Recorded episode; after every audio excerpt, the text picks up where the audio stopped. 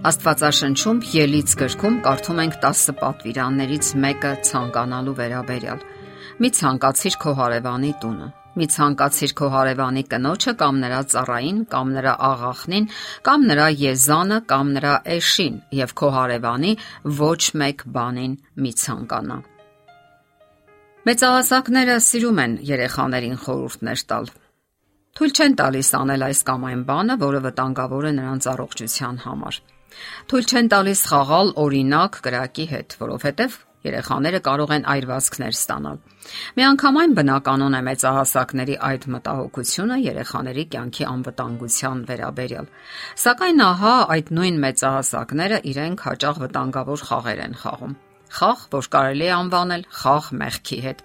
Խոսքը արտահամուսնական կապերի եւ հարաբերությունների մասին է։ Թեկուզ եւ դա լինի ոչ միայն կոնկրետ դավաճանություն, այլ նույնիսկ հասարակ թվացող սիրահետում, սիրախախ եւ անգամ կրկոտ հայացքներ։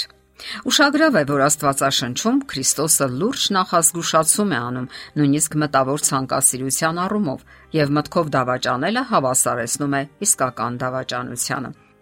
Ահա այդ ուշագրավ զգուշացումը։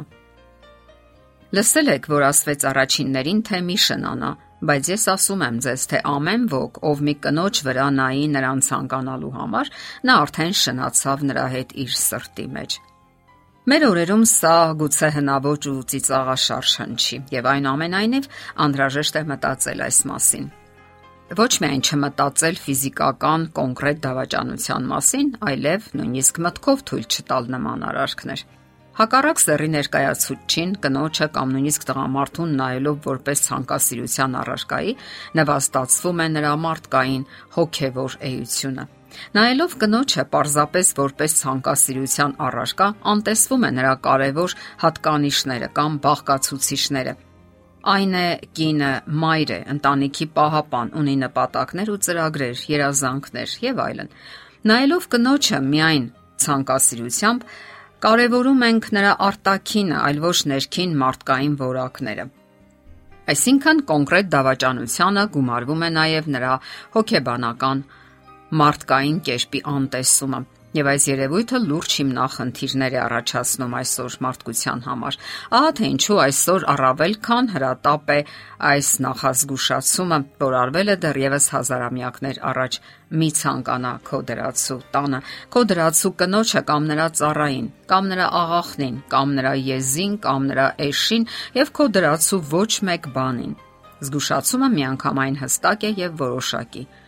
Պետք չէ խաղալ մեղքի հետ։ Սեփական ընտանիքն այն վայրն է, որտեղ մարդը դրսևորում է իր հավատարմությունը ընտանեկան արժեքներին, իր բարոյական ներուժը։ Ասենք որ անընդունելի են նույնիսկ པարս հաճոյախոսությունները, դրանք դուր են բացում վտանգավոր հարաբերությունների համար։ Իսկ ընդհանուր առմամբ յուրաքանչյուր անznավորության մեջ հարկավոր է տեսնել նրա ամբողջականությունը, նրա ողջ պատմությունը, արժեքներն ու ներքին ապրումները։ Իսկ ինչ վերաբերում է էրոտիկ ֆանտազիաներին, այս ոլորտը հարկավոր է վերահսկողության տակ պահել։ Այնինչ մարդու մեջ բնականon է եւ նպաստում է ընտանեկան առողջ հարաբերությունների հաստատմանը, հաճախ վերածվում է անթույլատրելի խաղի խաղ կրակի հետ։ Ցավոք մեր օրերի ողբերգություններից մեկն էլ այն է, որ այսօր համարյա ոչինչ չկա առանց էրոտիկ համեմունքի։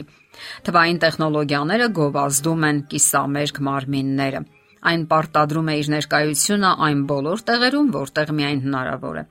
Բազմաթիվ համացանցային կայքեր թողարկում են այնպիսի արտադրանք, որտեղ շահարկվում է կանացի գեղեցկությունը, այսպես կոչված։ Իսկ դա դրթում է մարդու երևակայությունը եւ դուր բացում անհավատարմության համար։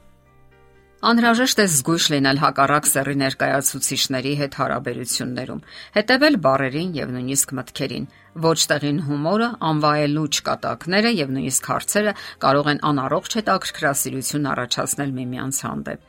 Կարիք չկա հարցեր տալու դիմացինի ամուսնական հարաբերությունների վերաբերյալ։ Երջանիկ է նա, թե դժբախտ։ Նույնիսկ այսպես ասած, ըմբռնող վերաբերմունքը կարող է առիթ հանդիսանալ այն բանի համար, որ սկսեք կարեկցել միմյանց եւ ընթացք տալ անառողջ հարաբերությունների։ Իսկ ամեն ինչ սովորաբար սկսվում է անմեղ թվացող բառերից ու հարցերից, մեկ ժպիտից եւ հաճոյախոսությունից։ Եվ երբ ընթացքի մեջ է դրվում սիրախաղը, դա արդեն անհավատարմություն է ընտանեկան արժեքներին։ Դավաճանությունը կարելի է որակել այսպես. անհավատարմություն, կողակցին, արտահամուսնական կապերի կամ պատահական սեռական կապերի միջոցով։ Նույնն է թե դավաճանություն ընտանեկան միաբանությանը, ընտանեկան համատեղ շահերին եւ հավատարմության ուխտին, որ հանդիսավոր արտասանվում է ամուսնական միաբանության ուխտի կնքման ժամանակ։ Շատերը թեթևորեն են նայում այս երևույթին Մարդիկ այն կարծիքին են, որ դավաճանությամբ կարելի է լուծել այս կամ այն հիմնախնդիրը, որ կարող են ստանալ այն, ինչ չեն ստանում իրենց ընտանիքում։ Սակայն դավաճանությունը ելք չէ։ Այն միայն ավելի է խորացնում հիմնախնդիրները։ Ասենք որ դավաճանության պտուղը սկզբում գուցե հաճելի է թվում, ինչե որ մի օր թունավորում է եւ վերջնականապես կործանում։ Դրա հետ մեկտեղ դժում է թե ընտանիքը, թե մարդու ինքնահարգանքը։ Ընդհանրապես ցանկացած սխալի դեպքում հարկավոր է ներում խնդրել։ Աստված ներում է անկեղծ ապաշխարողներին։ Եվ փորձեք ձեզ պահպանել հավերժական կործանումից։ Խաղը մեղքի հետ վտանգավոր է եւ երբեք անհետևանք չի մնում։ Այն կարող է այրել թե ձեզ եւ թե նրան, ում հետ խաղում եք այդ անթույլատրելի խաղը։ Իսկ դրանից ոչ հազվադեպ դժում են միանգամայն անմեղ երեխաները։ Խնդրեք Աստծուն որ ձեզ մեկ ընդմիշտ ազատագրի այդ վտանգավոր խաղերից։ Եթերում ղողանջ հավերժության հաղորդաշարն է։